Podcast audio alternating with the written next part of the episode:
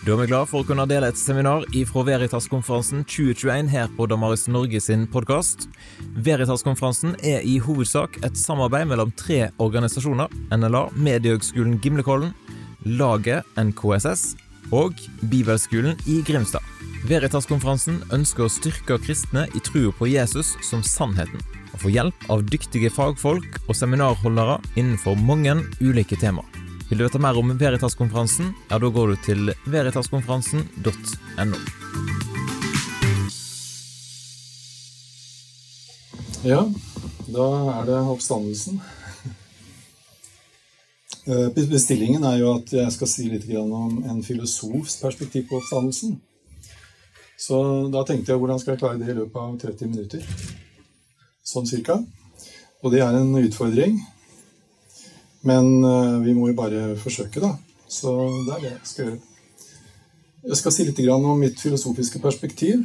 Og så skal jeg si litt om oppstandelsen, og så skal jeg si litt om Guds eksistens, for det var også en del av bestillingen.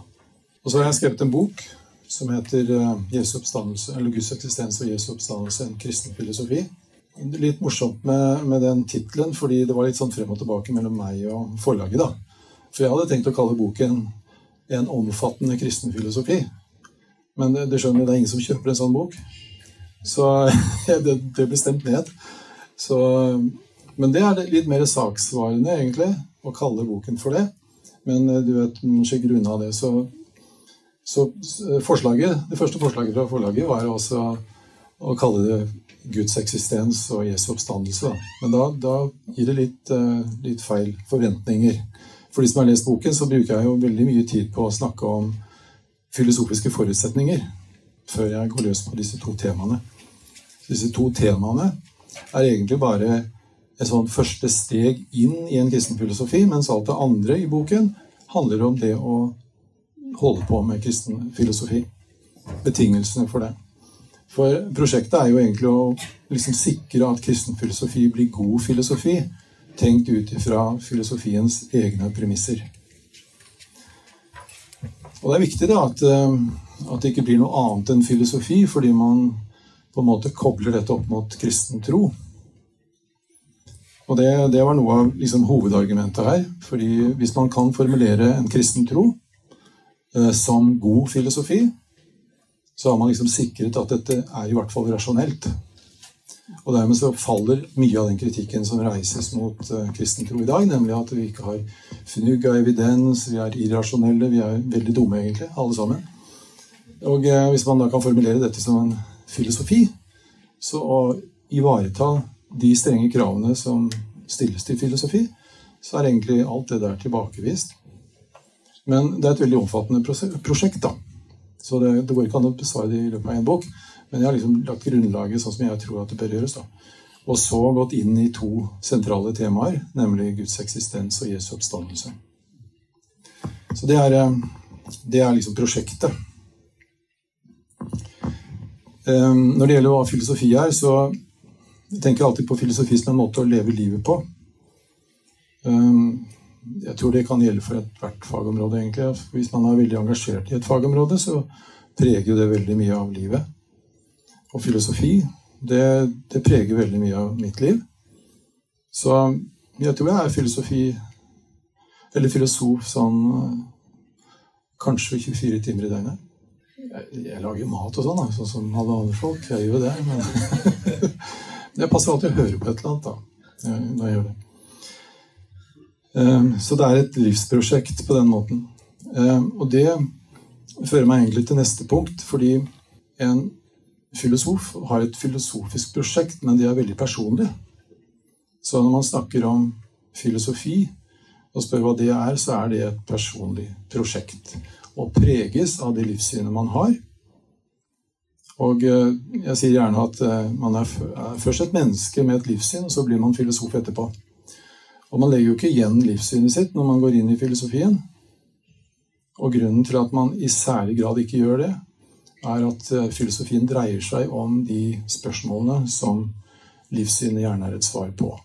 Så når man snakker om meningen med livet, hva som er rett og galt, eh, hva virkeligheten er, fins det en gud Alle disse spørsmålene her er jo klassiske filosofiske spørsmål. Så det betyr at når man kommer til filosofien, så blir det livssynet man har, utfordret. Det blir satt på prøve, egentlig. Så mm, hvis man gjør dette alvorlig, så, så, er man ikke veldig beskyttet, egentlig. Og det har jo fått noen til å tenke at filosofi må være veldig, veldig skadelig for kristen tro. Men en slik bekymring forutsetter egentlig at kristen tro ikke kan bli stående da, gjennom det som kalles for filosofisk refleksjon. Og det er det som er mitt uh, bokprosjekt her. Det er å vise at det kan man godt være. Man kan godt være kristen. Og man kan godt være kristen i en mer sånn tradisjonell forstand også. Og formulere det som en filosofi. Og det er ikke bare jeg som holder på med det. Det er også andre som gjør det. Og jeg syns det går veldig bra. Nå var det litt sånn spesielt utgangspunkt for meg, da, fordi jeg, jeg, var jo ikke kristen da jeg begynte med filosofi. Og det henger sammen med det at eh, livssynet blir alltid utfordret når man går inn i filosofien. Så eh, jeg ble kristen gjennom filosofien, og har ikke sluttet å være filosof selv om jeg ble kristen. Så Av og til så møter jeg den oppfatningen at eh, ja, hvis du blir kristen, så har du vel fått svarene, da, så da er det vel slutt på filosofien. Men, eh, og det prøver jeg å tilbakevise også i boken, at det er det jo for all del ikke. Slett ikke. Vi har fått eh, noen svar, noen holdepunkter, noen retning for tanken. Og, men det er mye refleksjon som står igjen. Da. Det er mye lettere å besvare disse dype, vanskelige spørsmålene med et slikt livssyn som utgangspunkt enn alternative livssyn, som jeg ser det. Jeg tror en del er enig i det også. Selv om de ikke liker kristendommen, så kan man sånn objektivt sett være enig i det. At man har fått en del svar som er veldig behjelpelig. da. F.eks. hvis Gud eksisterer, så er det mye er det på en måte ontologisk, ontologisk sett da, i en mye bedre posisjon til å besvare vanskelige spørsmål knyttet til livsmening og døden, alle disse vanskelige spørsmålene, og f.eks. For forankringen for hva som er rett og galt. For meg så er det viktig at eh, det blir god filosofi ut av dette. For det er mye ja, Hvis man definerer filosofi generelt, da, så må man jo ta med dårlig filosofi også. Men, eh, men det er vi ikke så interessert i. Så eh, for meg så har det vært veldig viktig å formulere de prinsippene eller normene, reglene eller hva du vil kalle det, betingelsene kanskje, for god filosofi. Hva er god filosofi for noe? Hvordan skal man reflektere filosofisk for at man skal i størst mulig grad sikre et resultat som er forsvarlig filosofisk sett. Da. Og da har jeg pekt på noen, noen, eh, noen, prinsipper. Jeg har pekt på dette med klarhet, at man skal forsøke å formulere seg så klart som overhodet mulig. Det er et, eh, en av betingelsene. Konsistens. Det betyr bare at det er fritt for selvmotsigelse, enten direkte selvmotsigelse eller implisitte selvmotsigelser. At alt like ting på en måte at man kommer unna det, da, at det blir konsistent. Um, så kan man bruke logikk, da. Det, det, gjør jo en del filosofer, meg inkludert. Så er dette kravet om begrunnelse. At man eh, kan begrunne det man holder for sant. Det er eh, også et viktig krav. Og så har jeg pekt på et fjerde krav, og det er koherens. At man forsøker å formulere sin filosofi på en måte som henger sammen. Det blir sammenheng med i forhold til eh, resultater innenfor fysikk, f.eks., innenfor biologi, eh, innenfor andre vitenskaper, innenfor hermeneutikk. Så at man ser at dette henger sammen, så at man ikke får sånne sektorsvar. Fordi filosofer ønsker jo det store bildet. Det er egentlig det vi forsøker når vi har et livssyn også. Vi har et uh, syn på virkeligheten, vi har et syn, syn på verdier. Men filosofene går liksom profesjonelt til verks for å rette på de tingene man kanskje tror, eh, og se sammenhengen mellom alle disse trosoppfatningene vi har. Og Det er en dynamisk prosess. Det er ikke sånn at vi har fått en pakke, og så er det liksom slutt på refleksjonen. Nei, dette er en stadig eh, prosess som pågår. Det er eh, Det slår liksom bort den innvendingen som ofte kommer fra noen, at hvis man er kristen, så er det slutt på all refleksjon. Har man fått svarene, og liksom, da blir alt kjedelig og statisk. Sånn er det jo ikke. Og det kjenner jo alle kristne til også. Det er jo ikke ferdig med disse spørsmålene. Men vi kan få bedre svar, og det finnes gode svar å hente opp gjennom historien fra filosofihistorien. særlig sett. Så det betyr at det er en intim, intim sammenheng mellom livssyn og filosofi. Det er ingen som driver filosofi på liksom tenker at man skal komme fram til et nøytralt perspektiv. eller noe som alle skulle godta da, hvis man var fornuftig.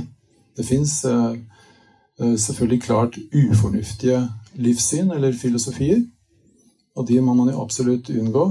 Men så fins det, når man snevrer liksom inn grensen for hva som er god filosofi, så er det jo alternativer innenfor det, de, de rammene der.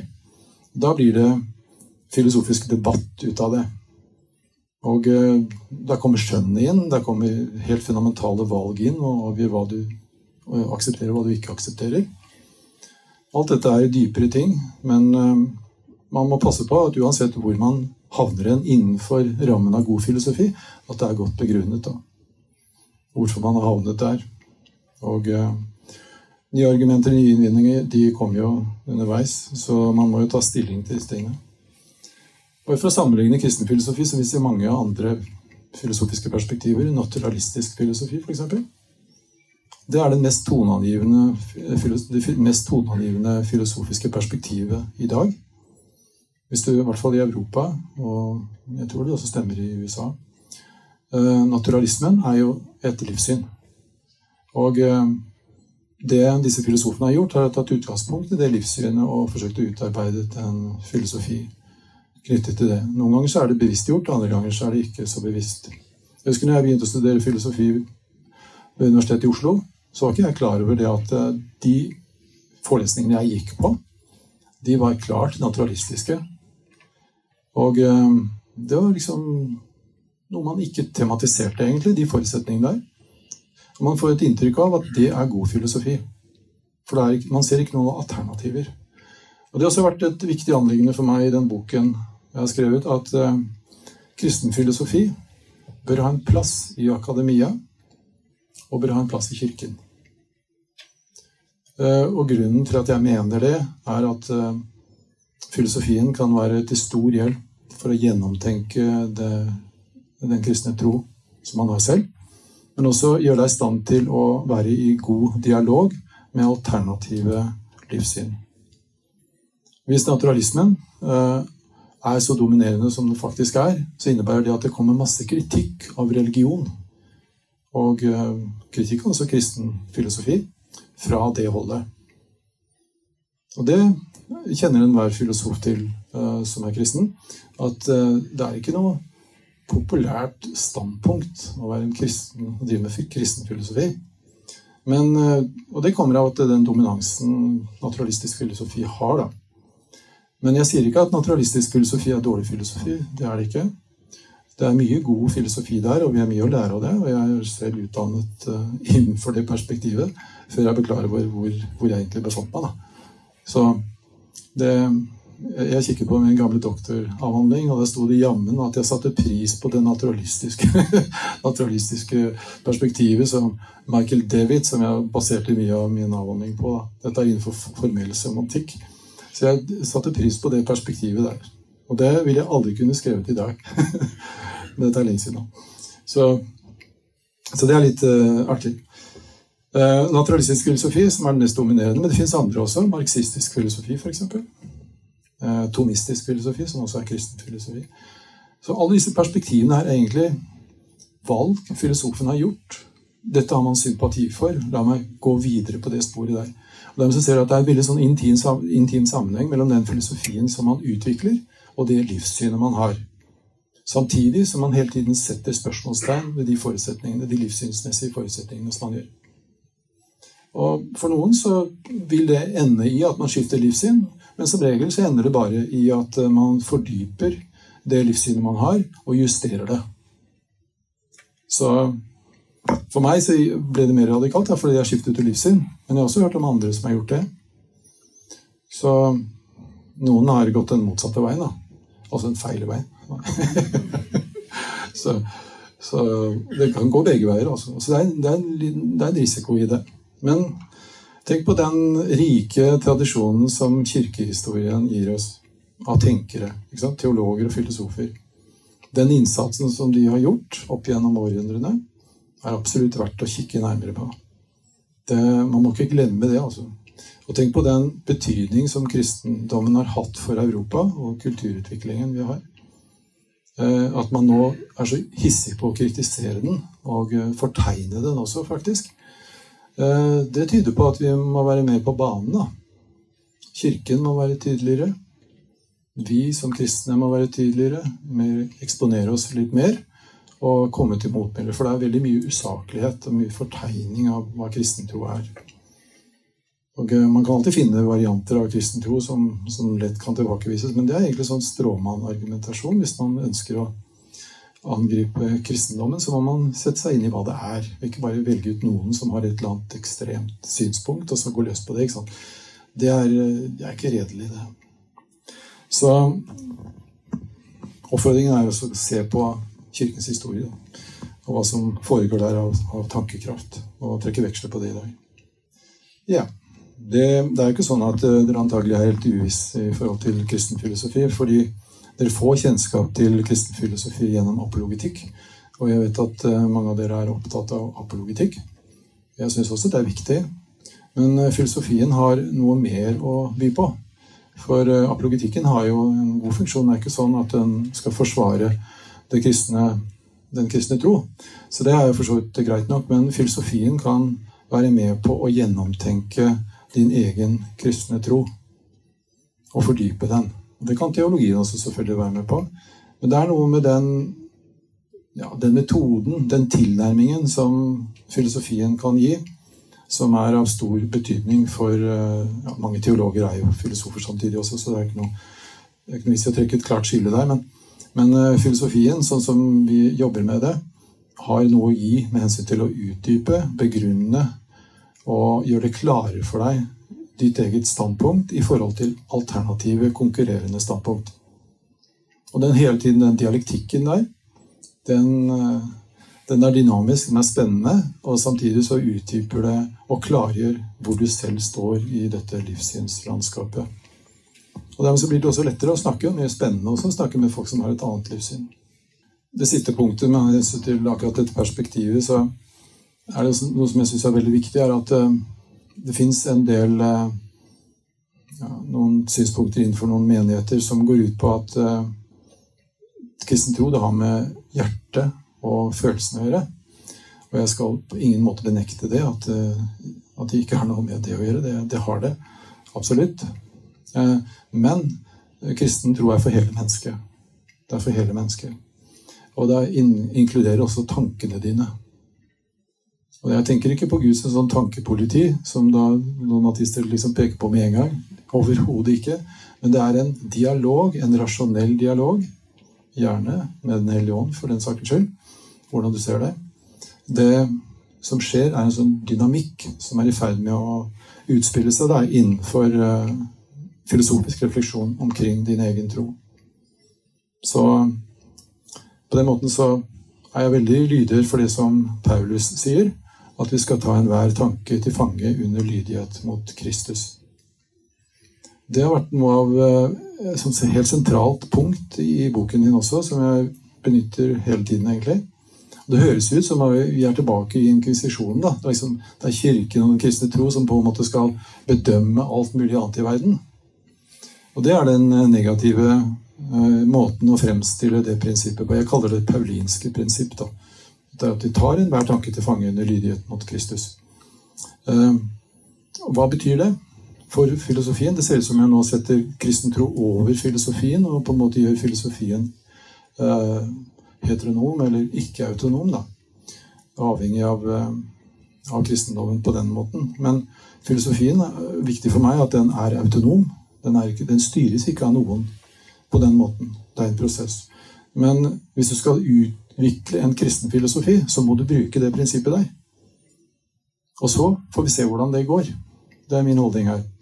Du bare aksepterer alt det du har av tro, eh, og så ser du hvordan det går å være åpen for at du må forkaste alt sammen. da. Du tror ikke helt på det, selvfølgelig. For det er mange filosofer som har gått før deg og klart å komme gjennom det der og finner det givende. Men det er noe med at du på en måte gjør filosofien til kristen filosofi.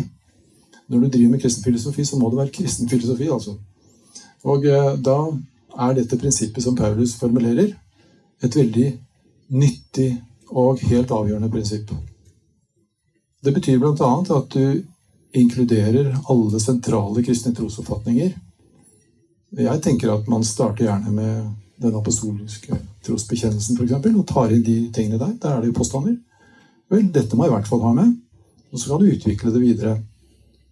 Og ta de påstandene der inn i filosofien, og la de, de påstandene få de, den betydning, eller spille den rollen, som er nødvendig for en filosofi.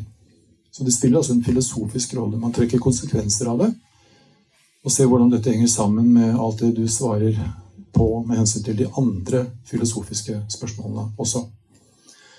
På den måten så blir eh, dette en helhetlig filosofi.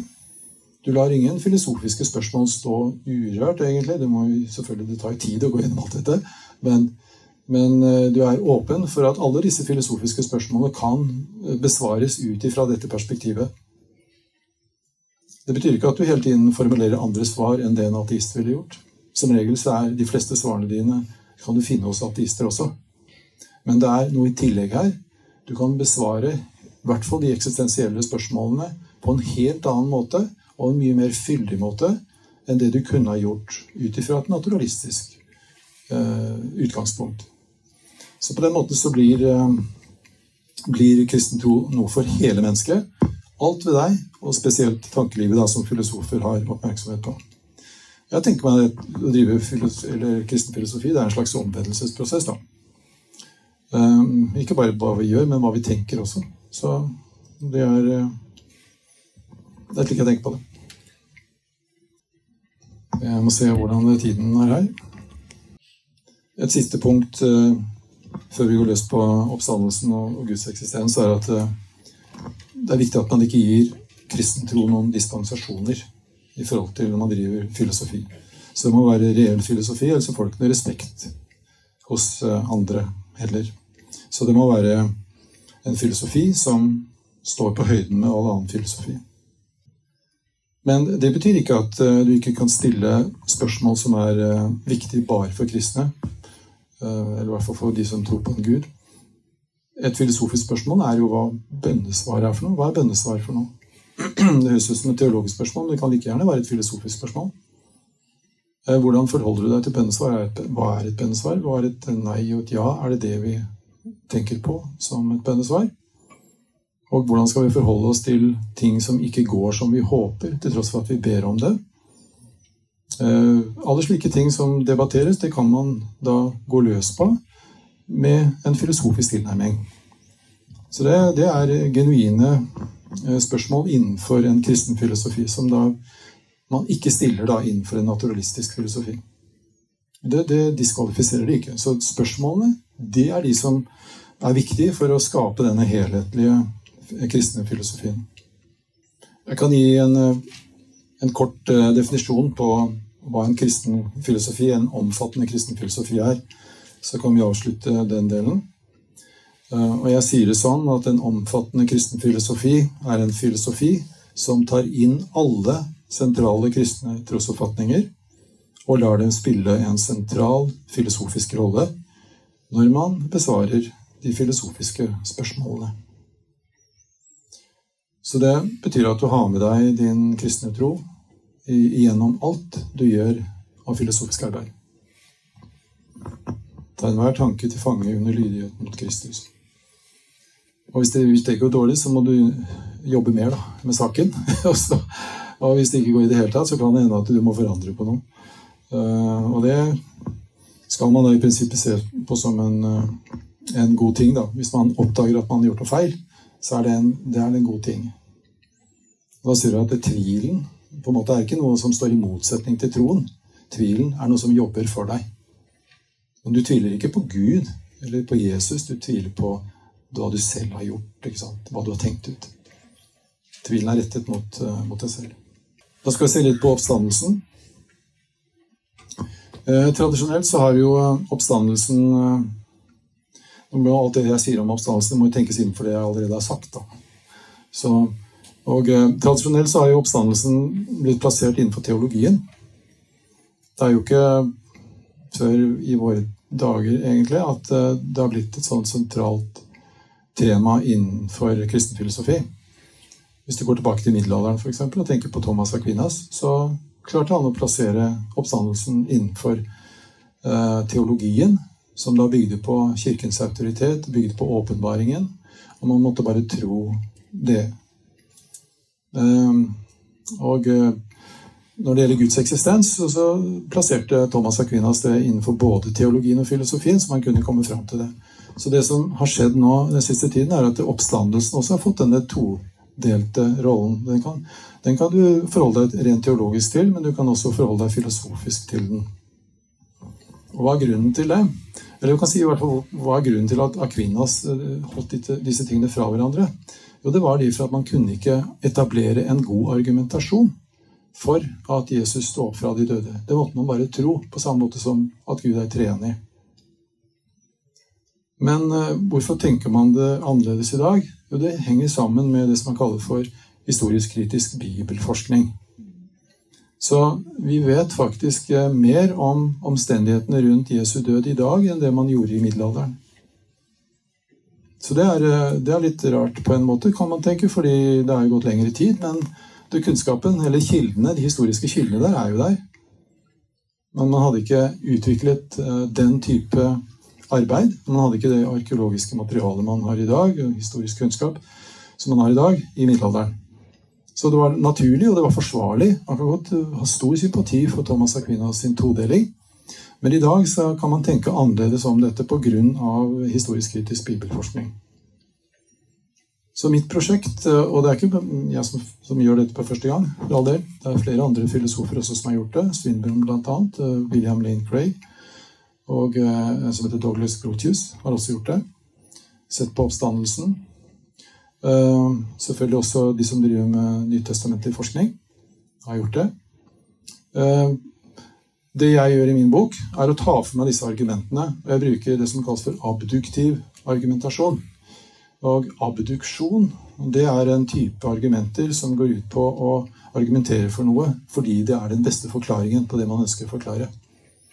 Altså, du kan tenke sånn som disse flyhavarikommisjonene tenker eller en som driver med politietterforskning, tenker. Eh, vi har disse observasjonene, vi har disse faktiske forholdene, disse data. Eh, hvordan kan man best forklare f.eks. For at et fly har havarert? Da? Da, da, da, samler man inn all den informasjonen som man syns er relevant da, i forhold til det. Og så man opp, setter man opp ulike hypoteser.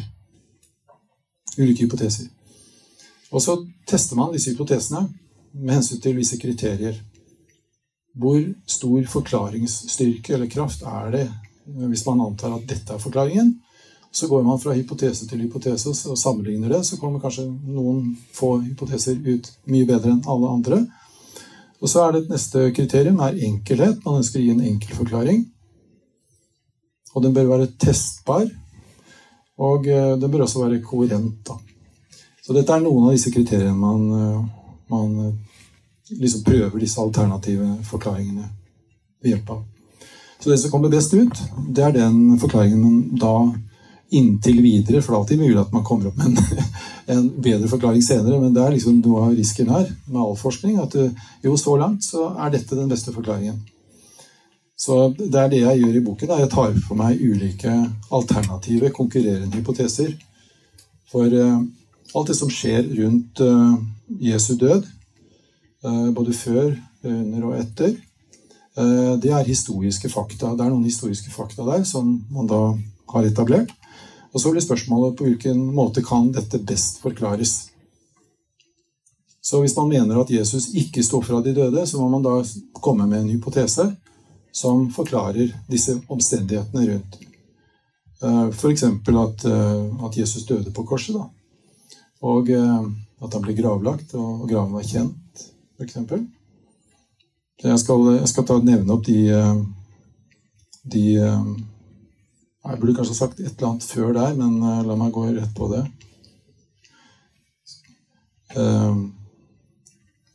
Ja, der, I boken min så bruker jeg eh, seks forskjellige fakta.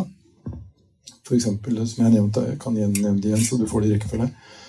Jesus døde ved korsfestelse.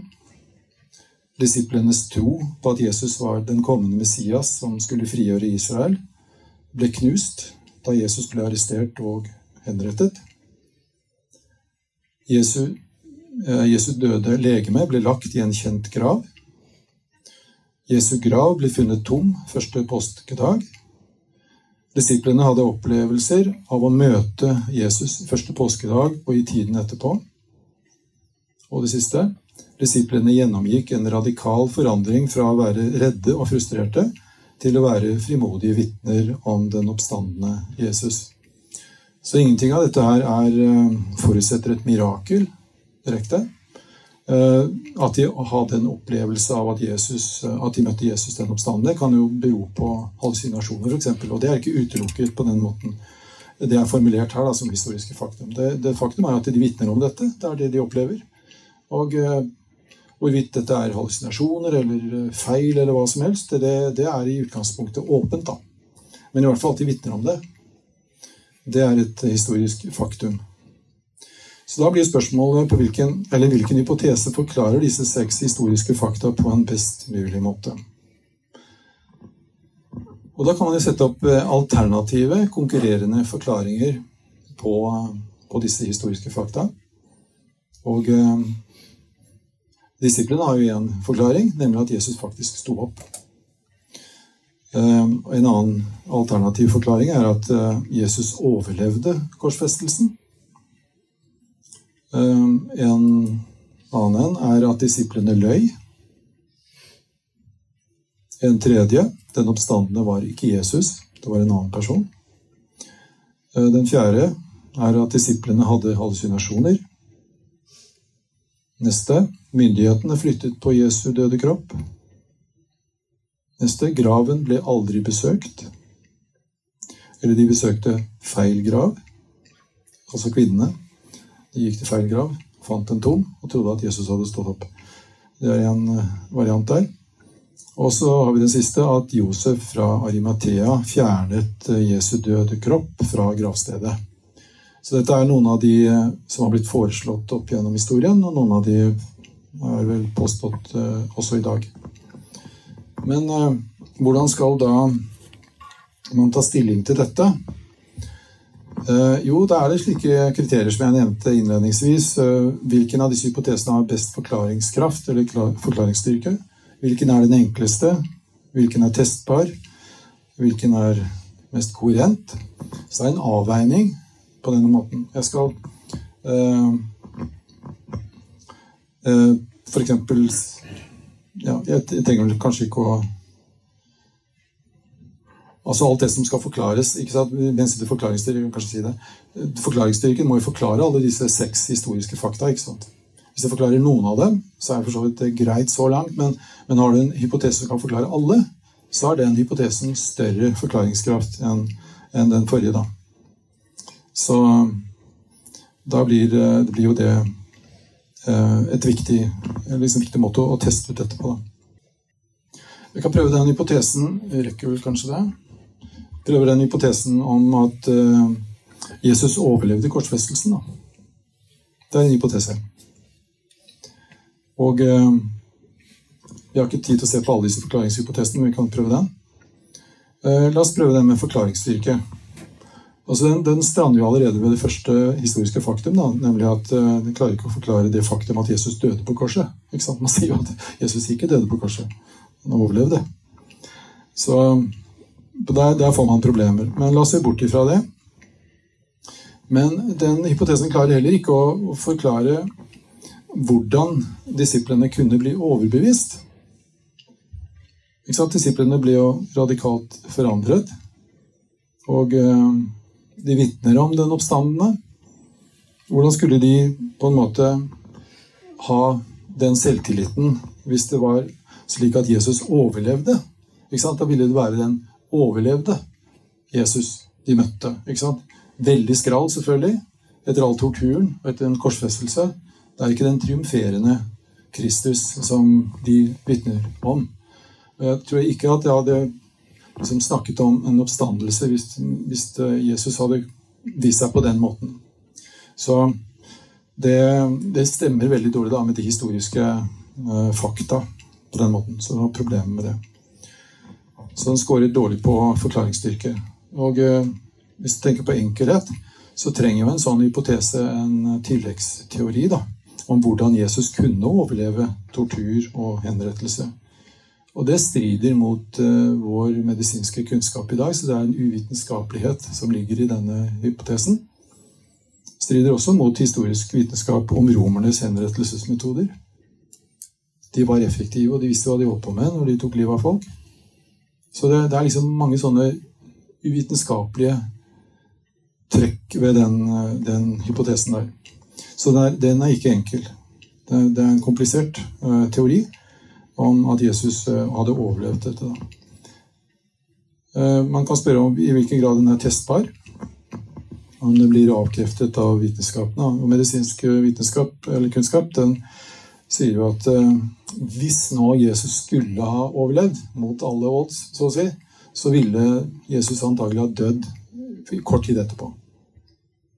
Så det var såpass eh, medtatt. Og tenk også på temperaturen man hadde.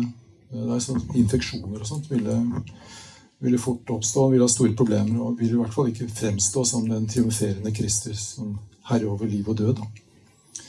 Det, det er ikke eh, Dette med koherens eh, passer dårlig som sagt inn med vår tids medisinsk forskning, og det har du allerede kanskje inne i ditt perspektiv. Hvis du var kjennskap til henrettelsesprosedyrer som romerne brukte, så ville heller ikke det stemme godt da med, med den bakgrunnskunnskapen som du, du, har.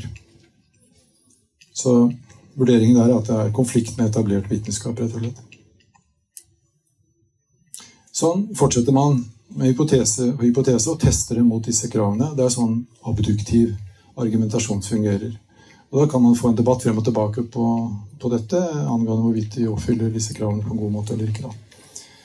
Så konklusjonen som jeg kommer fram til i min bok, og som mange andre også har støttet, det er at uh, disiplenes hypotese står mye, mye sterkere enn de konkurrerende hypotesene. Jeg ser at tiden er, er der, så det var det jeg rakk. Takk for oppmerksomheten.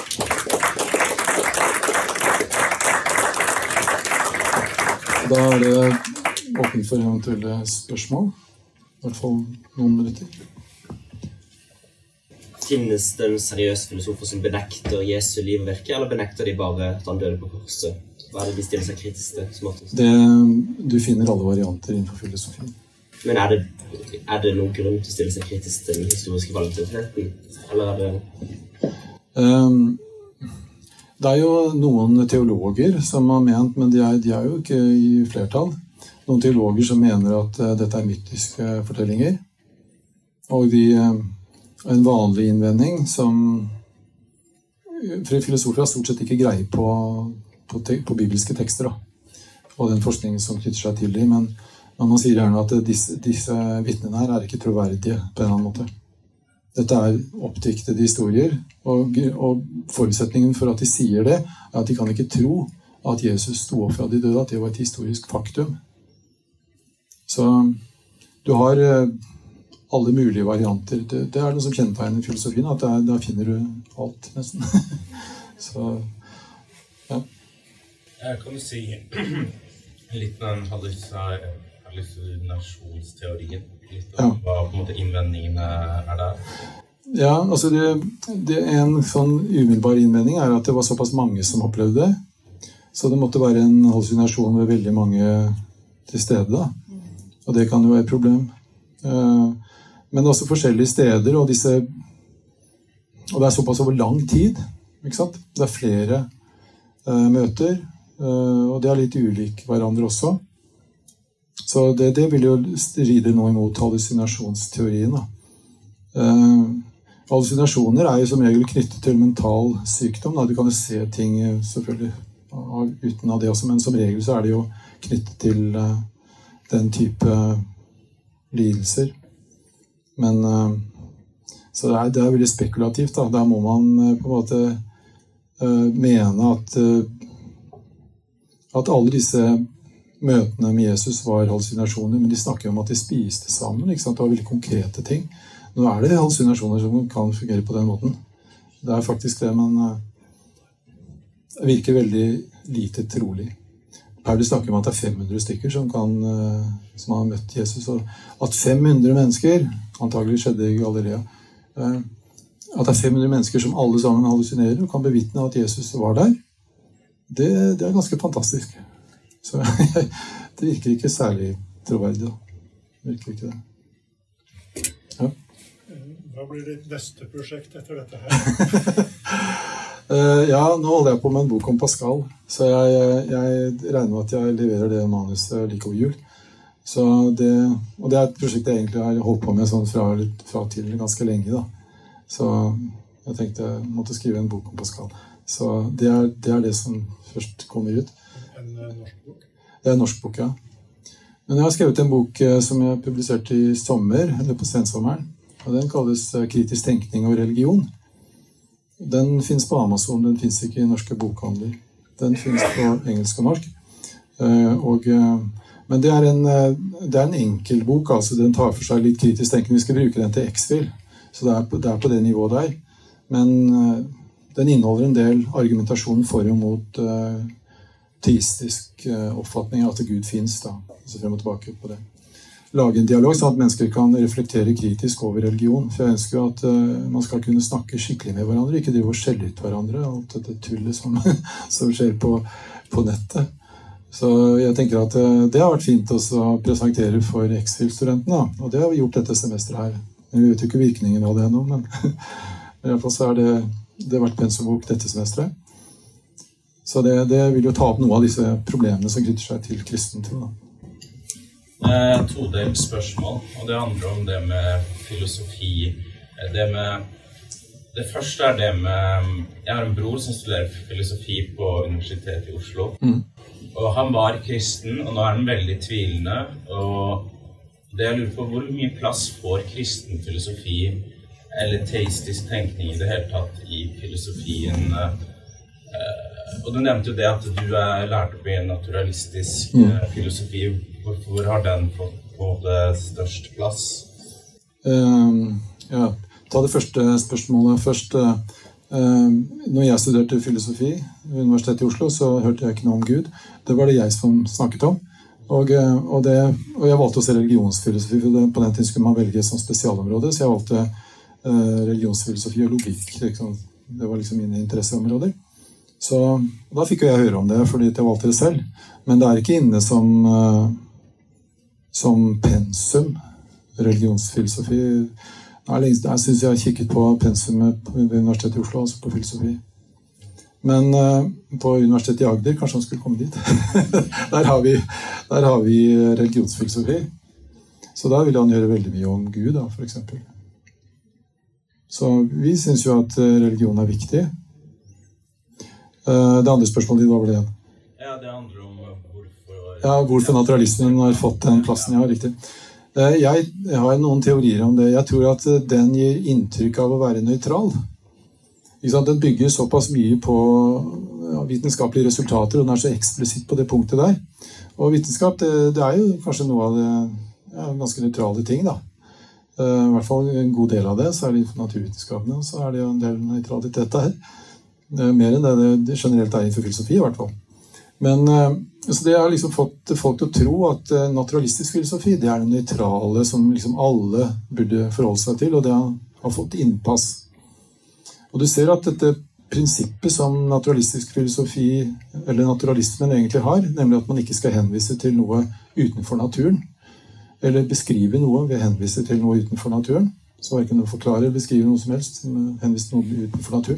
Det er et godt prinsipp innenfor naturvitenskap, eh, sånn som jeg tror, tror det er, men innenfor eh, filosofi så vil jo ikke det fungere. Fordi det er en filosofisk posisjon, og det fungerer heller ikke godt innenfor historievitenskapen. Så jeg kritiserer historievitenskapen i boken min, da. Fordi de utelukker påstanden om at Jesus kunne ha stått opp. Sant? De vil ikke nærme seg det engang. Så de på forhånd, altså a priori, før forskningen har skjedd, så har de på en måte eh, liksom gjort knefall for prinsippet om at du ikke skal referere til Gud. Eller referere til noe utenfor naturen. Da. Og Det kalles for metodologisk naturalisme.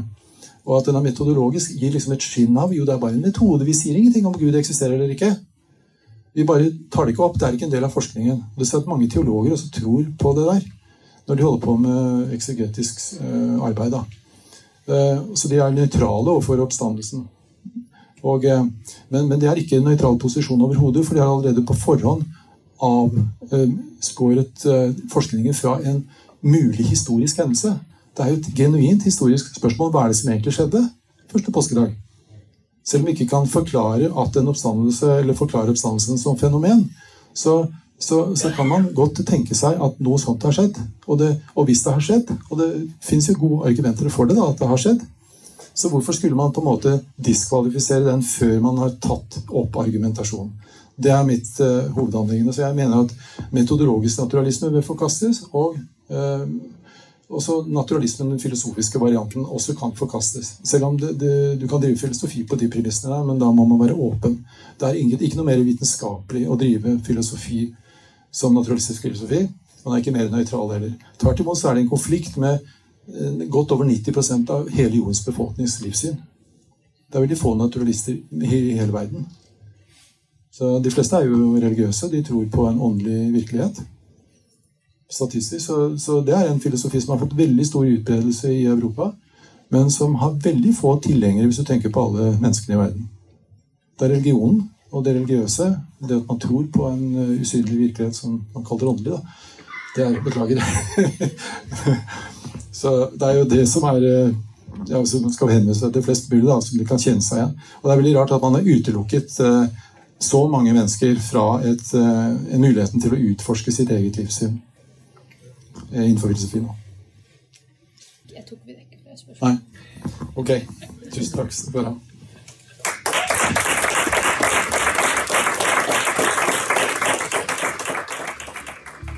Takk for at du lytta gjennom seminaret. Og skulle du ønske at flere fikk med seg det gode innholdet, ja, da kan du jo faktisk dele seminaret med noen som du tror vil sette pris på det. Husk òg at du har muligheten til å kjøpe bøker via nettbokhandelen på damaris.no. Du vil f.eks. finne bøker skrevet av noen av de som hadde seminar på Veritas-konferansen. Så sjekk ut damaris.no for å kjøpe noen gode bøker. Da ønsker jeg deg en fin dag, og så kommer det snart nye seminar ut på podkasten vår.